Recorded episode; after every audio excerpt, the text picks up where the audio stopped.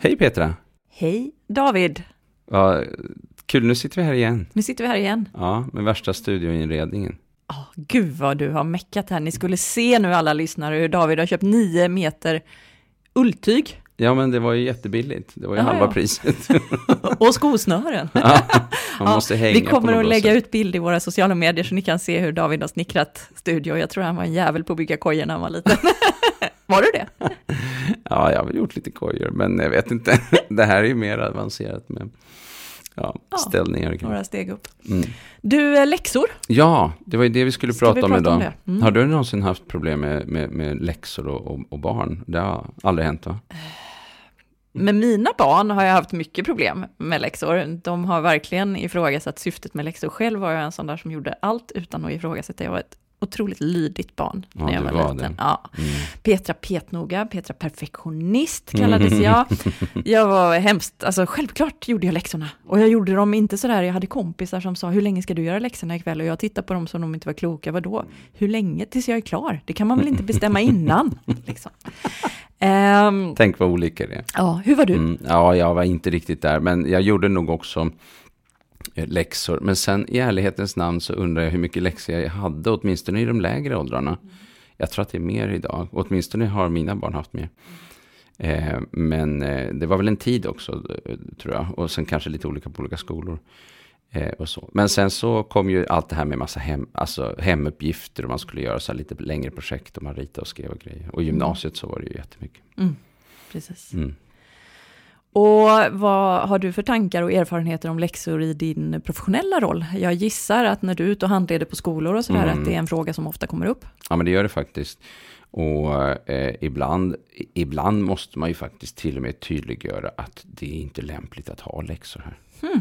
Ja, men liksom att, alltså dels så är eh, forskning, forskning på läxor, alltså läxor ligger inte jättehögt på resultatfrågan. Den ligger ganska lågt faktiskt. Eh, men eh, framförallt ligger den ju otroligt lågt om det är, eh, dels i lägre åldrar, men sen också om det är uppgifter som inte, att man inte har tänkt igenom dem tillräckligt väl.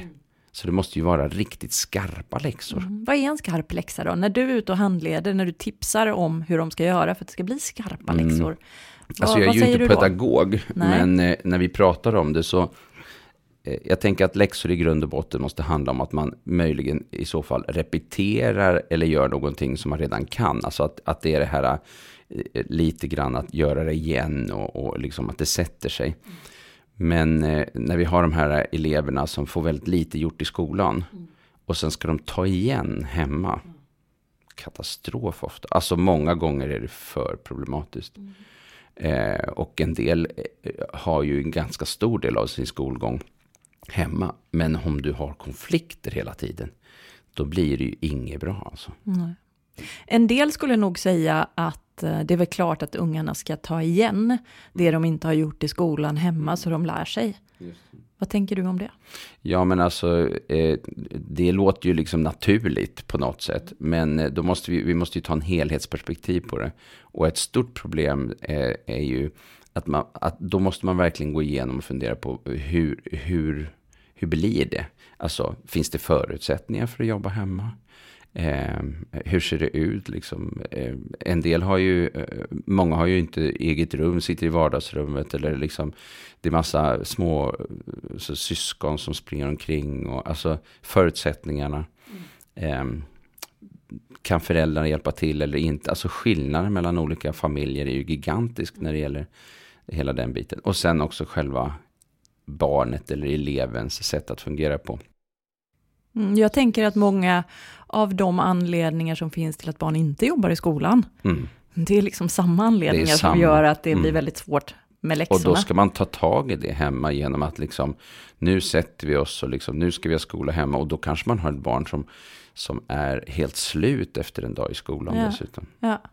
Så att det är ju ett jättestort dilemma och, och där tänker jag att man oftare behöver ha någon slags helhetstänk på något sätt. Alltså ta med sig familjen i diskussionen. Och, och då måste man också vara väldigt lyhörd för att en del föräldrar de säger ju faktiskt att nej men det är klart vi kan läsa tio minuter om dagen, liksom fyra, fem dagar i veckan, liksom om man tänker sig för att liksom läs, lästräning eller någonting. Eh, och så sex veckor senare så har det inte hänt en enda gång. Alltså föräldrar vill, men det är inte säkert att de kan eh, och lyckas med det. Lite som med barn helt enkelt. Ja. De kanske också vill men inte ja. kan. Nej, Nej. precis. Vilka, Så det Vi- där är ju en jättefråga. vilka förmågor tänker du att läxor utmanar hos barnet? Ja, men alltså det är ju allt. Alltså koncentration, sitta stilla, förstå, planering, organisera, prioritera, att kunna hämma lockelsen och göra sånt som inte liksom hör till. Eh, kunna kontrollera sina känslor. Eh, kunna sitta på rumpan tillräckligt, uppamma eh, tillräckligt med kraft, energi och motivation för att göra det man ska. Alltså det är ju rubb och stubb. Och visst är det så att barn är väldigt olika när det gäller de här förmågorna? Ja. Enormt. Ja. Och, när, och jag tänkte på det, för du har ju träffat mycket föräldrar också, jobbat med det. Och har ni haft den här läxfrågan uppe ofta? Den kommer upp varje, Varje varje kurs jag har. det. Alltså det är en av familjernas största fridsstörare. Ja, Det är just läxor. Och många föräldrar hamnar i ett läge där de måste vara läxhäxor. ja. Eh, och det påverkar ju miljön jättemycket Mm. i familjen. Mm. Eh, och jag börjar nästan alltid med att ställa frågan, ska vi ha läxor? Mm. Alltså, eh, om jag träffar en familj som kanske har ett barn med ADHD, där de, har, de kämpar ganska mycket, Mm, i vardagen redan som det är. Ja. Eh, och sen när ungen har kämpat hela dagen och kanske varit på den där aktiviteten som hon eller han måste vara på för att få ur, springet ur benen, eh, så är det dags att läsa läxor.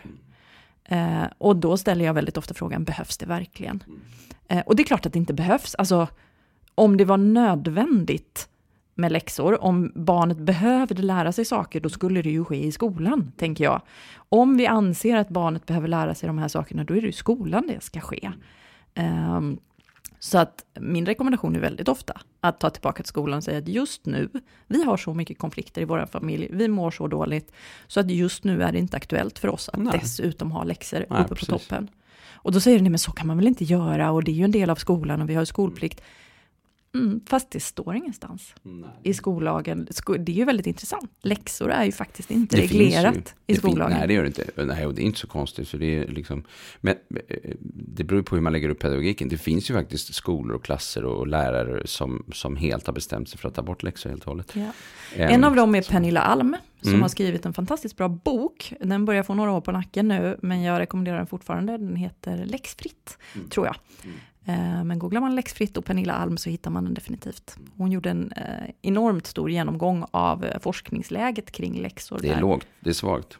Ytterst svagt och det Mm. visar att läxor upp till tioårsåldern är fullständigt, i bästa fall meningslösa, i värsta fall förmodligen kontraproduktiva för att Till de minskar motivation och intresse. Eh, och sen i äldre åldrar så har det möjligen en viss effekt på inlärningen. Eh, men då är ju frågan, är det bara inlärning som vi ska mäta? Vad ska vi mäta? Okej, det är jättebra att man lär sig mycket, men vad mer är viktigt? Ja, det är ju det. Ja, vi vet ju att barn idag är otroligt stressade till exempel. Eh, och jag tror att jag läste att ett av tre barn mellan 10 och 12 år uppger att de är stressade beroende på att de har för mycket läxor i skolan. Läxor är en stor del av stressen. Alltså läxor och provexaminationer. Men, men eh, det är ju ganska intressant att... Eh, alltså det, har, det finns ju en diskussion inom lärarkåren när det gäller läxor. Men det finns ingen stor samhällsdebatt kring den. Eh, utan det är bara, det är förstås så att skolan får sköta skolans uppdrag. Liksom, så att det är kanske inte så intressant för andra att lägga sig i. Men Eh, Men vi lägger oss i väldigt mycket annat när det gäller skolan, Ja, så det är ganska tiden. intressant att vi Mm. inte debatterar läxor. Och gör vi det, jag tror att det är en sån där självklar sak som vi alltid haft det, vi ska alltid ha det, det är liksom, man måste väl ha läxor.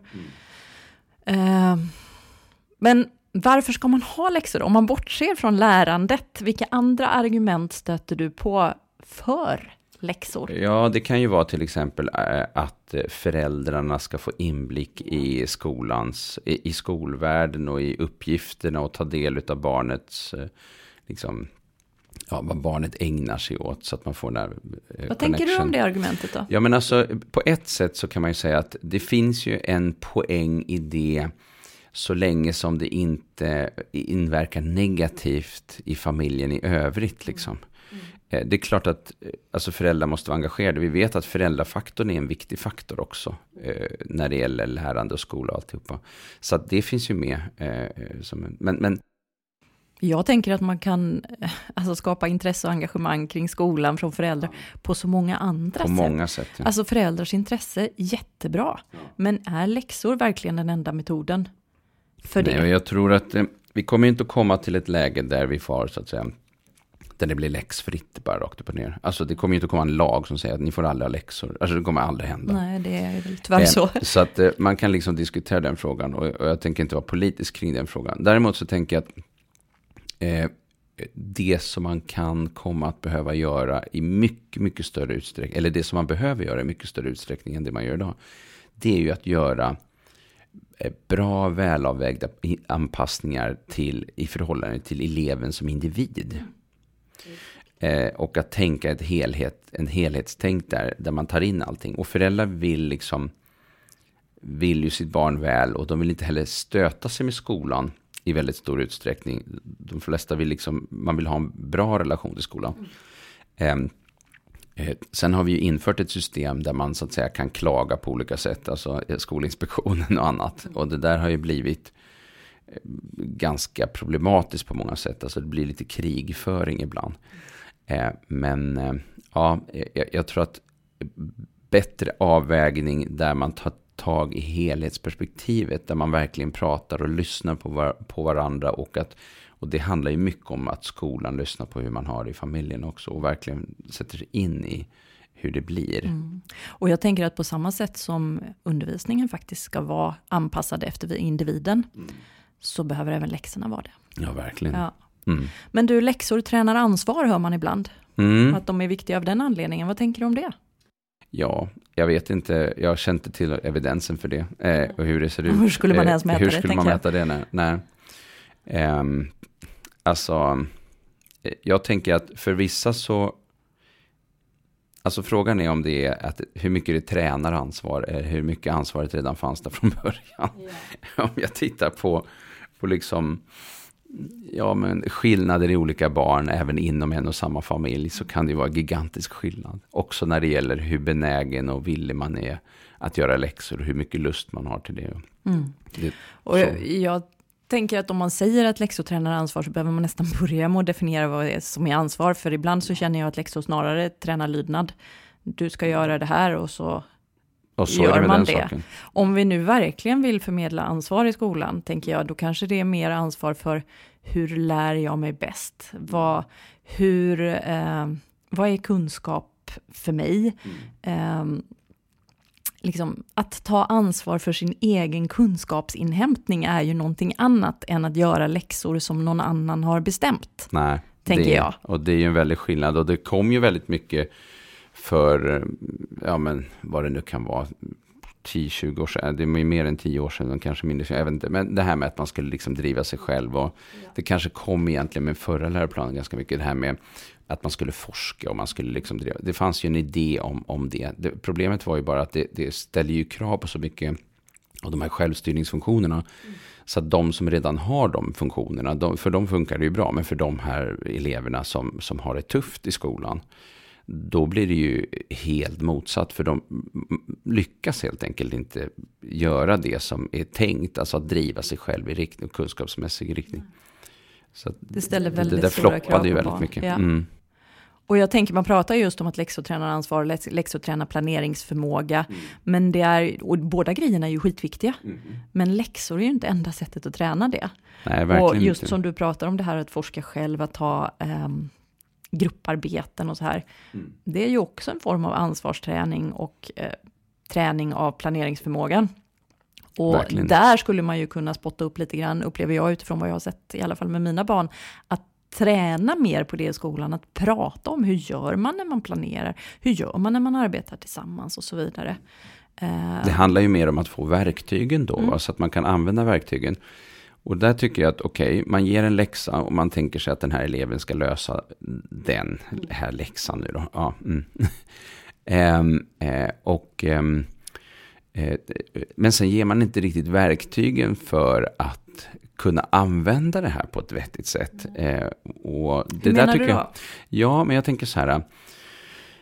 Ehm, eh, vi hade för många år sedan en, en eh, grej där vi tittade på eh, elever med ADHD som skulle träna de här självstyrningsfunktioner.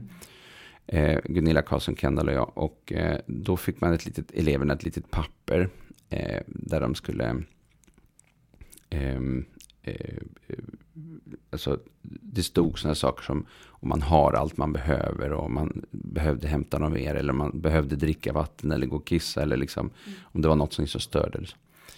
Och eleverna hade själv inte tänkt på de här sakerna och det är ju helt essentiella saker när vi, när vi liksom ska, ska plugga helt enkelt.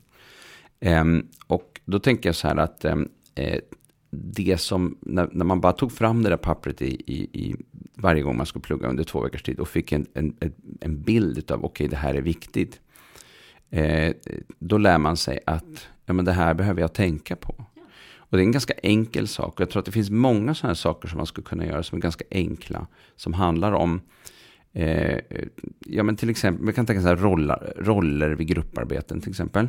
Eh, hur, vad, ska man, vad kan man tänka om de olika rollerna? Hur ska man liksom, kan man hjälpa eleverna att inta olika roller? Mm. Istället för att bara säga, nu ska ni ha grupparbete, se till att samarbeta bra ungefär. Det tycker jag är så intressant med grupparbeten. Jag har ofta, förlåt nu avbröt jag dig, Nej, men jag har ofta reflekterat kring att man har, man har så väldigt mycket grupparbeten i skolan, men man lär sig aldrig hur man grupparbetar egentligen. Mm, man metakommunicerar aldrig kring hur ett grupparbete eh, går till. Och nu säger jag aldrig, nu är det säkert någon lärare som säger det Nej, men det är visst. inte aldrig. Och då, då säger jag bra, bra gjort. men jag har aldrig någonsin i min skolgång pratat om hur man grupparbetar. Däremot har jag väldigt mycket grupparbetat. Mm. Eh, och detsamma gäller de barn som jag har omkring mig. Ja, och jag tycker att det är fascinerande. Därför tog jag upp det här. För att ibland är ju läxan, kan man ju säga, är ju att man ska göra ett grupparbete och göra en presentation. I gymnasiet till exempel är det ju jättevanligt, att, eller och andra tider, men framförallt att man jobbar mycket utanför skoltid med ett grupparbete som sen ska redovisas eller skrivas ihop eller någonting. Eh, men verktygen för att göra det och hur man går tillväga och handledningen så att säga i processen eh, är ju för bristfällig många gånger. Så och detsamma det gäller då där. kanske enskilda läxor, att det skulle vara jättehjälpsamt att få lite mer kring handledning kring hur, hur gör jag en läxa, vad ska jag tänka på innan, vad ska jag tänka på under tiden, vad ska jag tänka på efteråt? Ja, jag tänker att det kan vara ganska lätt, det kan vara en checklista. Ja. Eh, som handlar om, eh, som jag, det här som jag tog upp tidigare med liksom har du allt du behöver. Men det kan ju vara inom andra områden också. Mm. Ehm, eh, som, eh, ja men i grupparbete med olika roller till exempel. Eller eh, hur gör jag när jag ska leta reda på eh, information för det här eh, ämnet som vi ska prata om till exempel. Alltså gå till bibblan, man kan söka på det här sättet och liksom så. Eh, den typen utav, utav hjälp. Liksom. Och jag har ju en dotter som går på en eh, resursskola mm. eh, för elever med autism och där är de ju grymma för det här. Där börjar ju listan med slå på Word i datorn ungefär och sen kli, kliar det i huvudet, fatta, vi veckla upp boken. Det är verkligen steg för steg och det är så otroligt hjälpsamt. Det intressanta är ju att en del tänker att man skälper genom att eh, ge för mycket information så att eleven inte själv ska. Problemet är ju bara att eh, det verkar ju för många vara faktiskt precis tvärtom. Eh, att den här idén om att man ger för mycket hjälp faktiskt inte är det, utan det blir ett lärande i sig, där man ser de här stegen.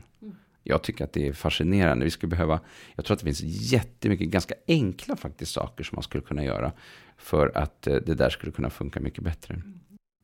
Om man pratar om läxor utifrån föräldraperspektiv, mm. eh, så har jag lite eh, tankar kring det utifrån vad jag ja. ofta möter. Mm. Eh, det som det som ofta uppstår tycker jag i relation mellan, det är ju ofta ungdomar eller ja, barn också för den delen och vuxna, Mm. det är ju just du måste göra din läxa, nej jag vill inte, ja, Ja. men det är bra om du har gjort den före maten, ja. Ja. men jag vill inte, du ska inte bestämma över mig, det blir Mm. som en maktkamp. Eh, när jag träffar föräldrar och pratar om det här, då pratar vi ofta utifrån behov. Vad kan det vara för behov som ligger bakom barnets beteende? För föräldrar undrar ju, hur ska jag få mitt barn att göra Att läxan? göra läxan. Ja. Mm. Eh, och då backar jag och säger, vad tror du det är som gör att ditt barn inte gör läxan? Vad är det som är viktigt för ditt barn? Eh, Och det är massa olika saker. Mm. Det kan ju handla om att barnet är trött, Mm. behöver vila. Det kan handla om att barnet upplever läxan som fullständigt meningslös. Jag ser inte Absolut. meningen med den här. Mm. Eh, och längtar efter stimulans och utmaning. Mm. Eller till och med bara att skolan känns meningslös totalt ja, precis. sett. liksom. Och det här är bara ytterligare ett Ytterligare. exempel på den totala meningslösheten. Det kan ju också handla om att läxan är alldeles för svår. Ja. Att barnet behöver stöd. Mm. I vissa familjer så har jag märkt att läxbråken faktiskt handlar ganska mycket om barnets längtan efter kontakt med föräldern. Mhm. Som att om jag säger att jag inte gör läxan, då sitter mamma med mig Mm. och gör läxan. Så då handlar det om att jag får liksom, odelad uppmärksamhet från min mamma om jag inte gör den själv. Mm. Eh, och då får man ju som förälder välja, tycker jag att det är okej att göra mitt barn med läxan, men då läxan tillsammans med mitt barn, då är det kanske okej att vi har det som en kontaktstund. Om jag inte tycker det, då behöver jag ändå se behovet bakom och då behöver jag ge barnet kontakt innan På något annat sätt. ja. och efter och i andra sammanhang. För om barnet får det behovet tillgodosett i andra sammanhang, då kan de oftast fördra och göra läxan Mm. själv. Mm. Om de kan. Om de kan, för då är vi tillbaka till det att olika barn, jag tycker det är så fascinerande, för föräldrar ställer ofta frågan som att vad gör man när ett barn inte gör läxan? Ja, precis. Och det beror ju på, alltså, Pelle. Pelle gör inte läxan för att han är trött. Ja. Stina gör inte läxan för att den är meningslös för Mm. henne. Mm. Och Abdullah gör inte läxan för att han behöver mera hjälp. Mm. Eh, tre olika barn, Mm. Ja. tre olika behov, Ja. alltså krävs det tre, Tre olika olika, lösningar. lösningar. Och det här är så otroligt viktigt, Mm. tänker jag, både när det gäller läxor och massa andra saker också. Mm. Sen kan man ju fundera över föräldrars behov i situationen också. Ja. Vad är det som gör att man som förälder tickar igång i den där situationen?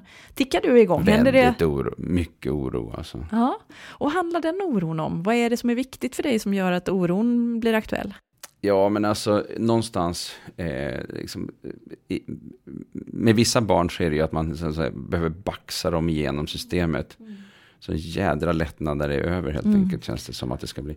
Men, eh, Som ett behov av omsorg om barnet och att det ska gå bra för ja, barnet? men liksom Ja. man vill, eh, kan man, skip, kan man slippa F till exempel? Eh, kan man lyckas med liksom, okej, okay, nian igenom och sen gymnasiet och göra val liksom och sen och sen, eh, och så, åh, tre år till liksom, nu ska vi kämpa liksom. Alltså det är ju en väldigt tung grej, men totalt sett så är det ju väldigt mycket oro skulle jag vilja säga. Ja. Eh, oro, ångest, känsla, alltså upplevelsen, den, den tror jag är, är väldigt stark. Och det är den som jag ser också om man tittar i Facebookgrupper och man pratar med andra föräldrar. Och, alltså det är mycket oro för ens barn. Och, Mm. Man vill också. att det ska gå dem väl. Ja. Liksom. Så det är ju jäkligt fina behov bakom det där som det ibland är det. resulterar i en konflikt. Ja, verkligen. Vet du ett annat behov som jag eh, faktiskt ofta stöter på? Mm.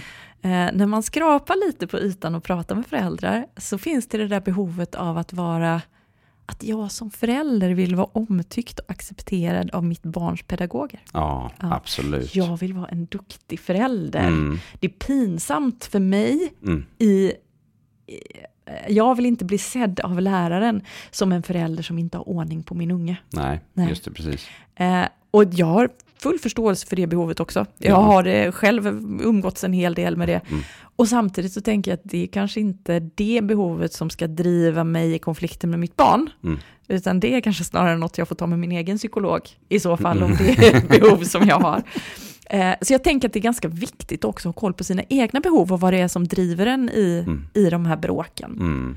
Så både barnets behov och det egna behovet.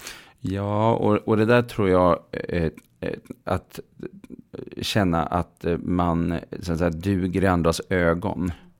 Det där är ju en, en stark fråga. Och om man då tycker att när, när ens barn inte bryr sig om Mm. hur, hur hen ter sig i andras ögon, då kan man ju bli brydd över det så att säga. Men det är klart att ingen vill ha ett barn som bråkar och tjafsar och, och där, föräldrar, där, där lärare går emot. Och jag tror hur många föräldrar har inte liksom försökt tydliggöra för sina barn. Men se, om det blir bråk så se till att och liksom prata med din lärare eller liksom säg till innan eller vem kan du prata med och alltså hela den där diskussionen. Mm. Evighetslånga diskussioner kring de frågorna. Ja. Eh, och, och, och, ändå så är det så svårt som det gör. Ja. För att vi är inte fullärda, vi har inte alla förmågor på plats, behoven lägger eh, lägger fällben för oss ibland. Ja, så är ja. det. Mm. Du, eh, har vi något mer vi vill säga om läxor? Alltså det finns säkert jättemycket mer eh, att tänka kring. Men jag tror att det är otroligt väsentligt att ehm, eh, ta tillbaka frågan till skolan och eh, tydliggöra hur, man, hur det faktiskt blir i, i familjen om man tänker som förälder. Mm. Eh, och som lärare att faktiskt ställa frågan på ett empatiskt lyssnande sätt med förståelse. Vad betyder det? Kan du ge ja, exempel? Någonstans det här att liksom vara nyfiken. Eh, man kan fråga hur det är, men, hur, men det här med hur vi liksom ändå visar empati i samtalet, liksom en slags förståelse. Jag tycker det är så mycket hårt mellan vuxna. Mm. Eh, och jag tycker att, det får vi prata om mer vid något annat tillfälle, prata om ansvar och grejer, men jag tycker att det är ett stort problem att när man har en elev som inte kan ta ansvar för liksom, olika typer av saker, då går ju liksom ansvaret upp till den vuxne. Mm. Eh, och det som jag ser är att när, eh, eh, när de vuxna i skolan inte får till det kring en elev, mm. då börjar de prata jättemycket om föräldrarna. Mm. Eh, och det, det, betyder att man antingen lägger ansvaret tillbaka på barnet eller på föräldrarna. När man i större utsträckning skulle behöva prata om hur gör vi i kollegiet så att säga för att möta den här eleven. Eh, och jag tänker att det är intressant det där som du beskrev när man har en skola som verkligen har tänkt till då. På hur hjälper vi elever i de här, de här, de här situationerna liksom. Där vi vet att det är knepigt. Men empatiskt lyssnande, vad, när du har pratat med föräldrar om, om empatiskt lyssnande eller försöka, försöka liksom tydliggöra vad som är viktigt för en, hur, hur har ni pratat då? Nej, men det handlar ju mycket om att, eh, och för mig kommer det ofta tillbaka till den här frågan, vad är det för behov som ligger bakom då? Ja. Eh, för att det är ju just med hjälp av det empatiska lyssnandet som jag kan hitta det hos ja, barnet. Precis. Liksom, jag har märkt att det är kämpigt för dig med läxorna. Mm. Kan du berätta vad är det som är så kämpigt för dig? Och inte liksom, berätta nu, vad är det som är så kämpigt för dig då? Mm. Uh, jag gissar att du hörde lite skillnad tonfallet. i mitt tonfallet där. Utan verkligen så här, jag är öppen för att lyssna, att signalera med kroppen, ansiktet och tonfallet, jag vill fatta fatta hur det här mm. är för dig. För faktum är att vi kan inte lösa det här problemet förrän vi har förstått vad det består. Nej. Nej. Och vi vet inte vad det består. Vi föräldrar kan ibland tro att vi vet att det beror på att barnet är lat eller så vidare. Mm. Men vi vet faktiskt inte förrän vi har pratat med barnet. Och dessutom lättjeförklaringen, den är väldigt sällsynt skulle jag säga. Ja, det skulle jag verkligen säga. Oftare så kommer man, vi, vi kommer ju generellt sett längre på att titta på funktionsförmågor snarare än på personligt drag. Oh ja, och behov. Och, ja, behov. För personen som är lat är ju en person som har behov av vila. Mm. Uh, så vi kommer mycket längre på att titta på behoven än på etiketterna. Du David, jag har en sista fråga som jag skulle vilja lyfta. Jag ser att vår tid börjar rinna ut, yes. men jag tänker att den är så viktig. Många föräldrar, eh, när de hamnar i konflikt med barnen om läxor, så börjar de belöna barnen. Mm, just det. Om du, du gör läxorna hela veckan, varje dag, utan att jag behöver tjata på dig, så tittar vi på en film tillsammans på lördag, eller så får du det där Pokémon-gosedjuret som du så gärna vill ha. Vad, vad, tänker du om det? Är det här en, liksom, är det en bra metod? Alltså, eh, det är intressant med, med den här typen, för att många tycker att den är, är bra därför att den funkar kortsiktigt. Mm. Men, men eh, forskningen är ganska tydlig på att det finns stora problem på, långsiktighet, på långsiktigt och för många fungerar det överhuvudtaget inte kortsiktigt heller. Mm. Så jag tycker att den är jätteproblematisk. Jag, jag, jag rekommenderar inte belöningssystem av olika slag. Och när du säger att den eh, inte funkar på lång sikt, berätta mer om det. På vilket sätt funkar den inte på lång sikt? Nej, men liksom belöningar, eh, det kan ju vara ett, ett eget program någon gång, men belöningar, eh, ehm, eh, det, det, finns många fallgropar i alla sådana här belöningssystem. De måste vara väldigt tajta och, och eh, eh, belöningar har en tendens att eh, gå i inflation, alltså att de blir, det blir mindre och mindre värt. Och till slut så kan en, en, en, ett barn säga liksom att nej, jag gör inte läxan Även om det skulle leda till typ att vi åker till Disneyland mm. i två veckor. Liksom. och då står man sig ganska slätt som förälder. Ja. Så att eh, det är ju liksom inte det, är inte det. Och problemet är ju också att undandragande av, alltså jag gjorde en läxa men inte två. Sa jag, men då blir det ingen belöning. Nej, det, det ses som en bestraffning. Mm, av barnet. Av ja. barnet. Ja. Och då är man också riktigt illa ute. Så att, mm. Varför är man illa ute då, då? Vad händer då? Ja, men då blir det ju, det, det, det, alltså, ett barn som upplever sig vara orättvist behandlat. Mm. Jag har ju ändå ansträngt mig, ger ju upp. Mm. Så att, eh, jag tänker att det sabbar relationen sabbar väldigt mycket också. Ja. Mm. Man har, det är ett säkert sätt att hamna i mera maktkamp. Ja, jag. det är det, för, för barn, det är en maktfråga. Ja, det är ju det, för att vi, vi, vi inför ju den här typen av belöningssystem för att vi vill att barnet ska göra som jag vill. Just det. Eh, det handlar ju om makt och jag mm. har större tillgångar än vad du har, så ja, därför också. så dinglar jag med den här moroten. Men barn, det vet vi ju, de värjer sig mot maktutövning. Ja. Eh, och då hamnar vi till slut i läget, nej, nej tack, jag åker inte till Disney, för min integritet är viktigare än en Disney-resa. Ja. Precis. Sen vet vi ju, tänker jag från forskningen också, att eh, kvaliteten i inlärningen mm, blir, sämre blir sämre när ja. man får en belöning. På kort sikt så kanske du lär dig materialet som du skulle lära dig, men vi vet också, man har kommit tillbaka och tittat sen vad som har hänt med minneseffekterna av det här efteråt, och det, det försvinner mycket, mycket låga. fortare mm. när du har belönat fram resultatet på provet eller på läxförhöret. Det är dessutom så, läste jag faktiskt, att den konceptuella inlärningen, alltså förståelsen för vad det är jag lär mig, är ju inte lika bra Nej. när jag har fått en belöning för att lära mig. Nej. Det finns eh, många negativa Det finns verkligen delar. många negativa. Mm. Vi får nog göra ett eget avsnitt om belöningar. Ja, det ska vi göra. Det gör det vi. Göra. Men det är intressant. Jag tänker på, eh, dock om vi tänker på läxor, jag tänker mer på det här med struktur då. Mm. Eh, och eh, eh det här med att eh, skapa, alltså att, att ha rutiner i vardagen. Eh, där man försöker hitta, ifall man nu ändå kan få till det med läxor, så är det rutinerna. Att, liksom, att man, kanske vid en viss dag så går man igenom, vad är det för, för någonting vi har den här veckan? Hur ser det ut med prov? Vad är det för läxor? Hur ser hemma? Vad ligger ni i ert arbete med det här grupparbetet som ska vara klart om tre veckor? Vad ligger det just nu? Alltså att man har en struktur för det. Ja. Och också då för läxorna. Och nu är det tisdag och nu är det så att vi sitter, ja men du har ju din träning på måndagar och onsdagar, så då blir det på tisdagar. Men vi gör det innan maten eller vi gör det direkt efter maten och sen kan du vara fri. Liksom. Alltså försöka hitta de där ingångarna. Underlätta för barnet att göra rätt. Liksom. Ja, och det vet vi ju att det hjälper ju barnet att utveckla kompetens, att vi eh, hjälper dem just med struktur. Just det. Ja. Så jag, jag, tror att det där är, är ju då snarare ett recept. Liksom, eller recept. Det här är ju en jätte jättekamp för, i många familjer och där har man inga, det finns inga enkla lösningar. Nej. Det finns kanske inga lösningar alls på just läxfrågan. Och då, det är där vi pratade om i början också. Då kanske vi inte ska ha några läxor. Nej, det ska inte kosta så mycket i familjen och gör det det, då behöver vi ta tillbaka det till skolan och prata tillsammans med skolan om det. Mm. Och jag tänker, ett tips till föräldrar, det är ju att lägga ansvaret där det hör hemma. Ja. Läxa är ju någonting som finns i relationen mellan skolan och eleven.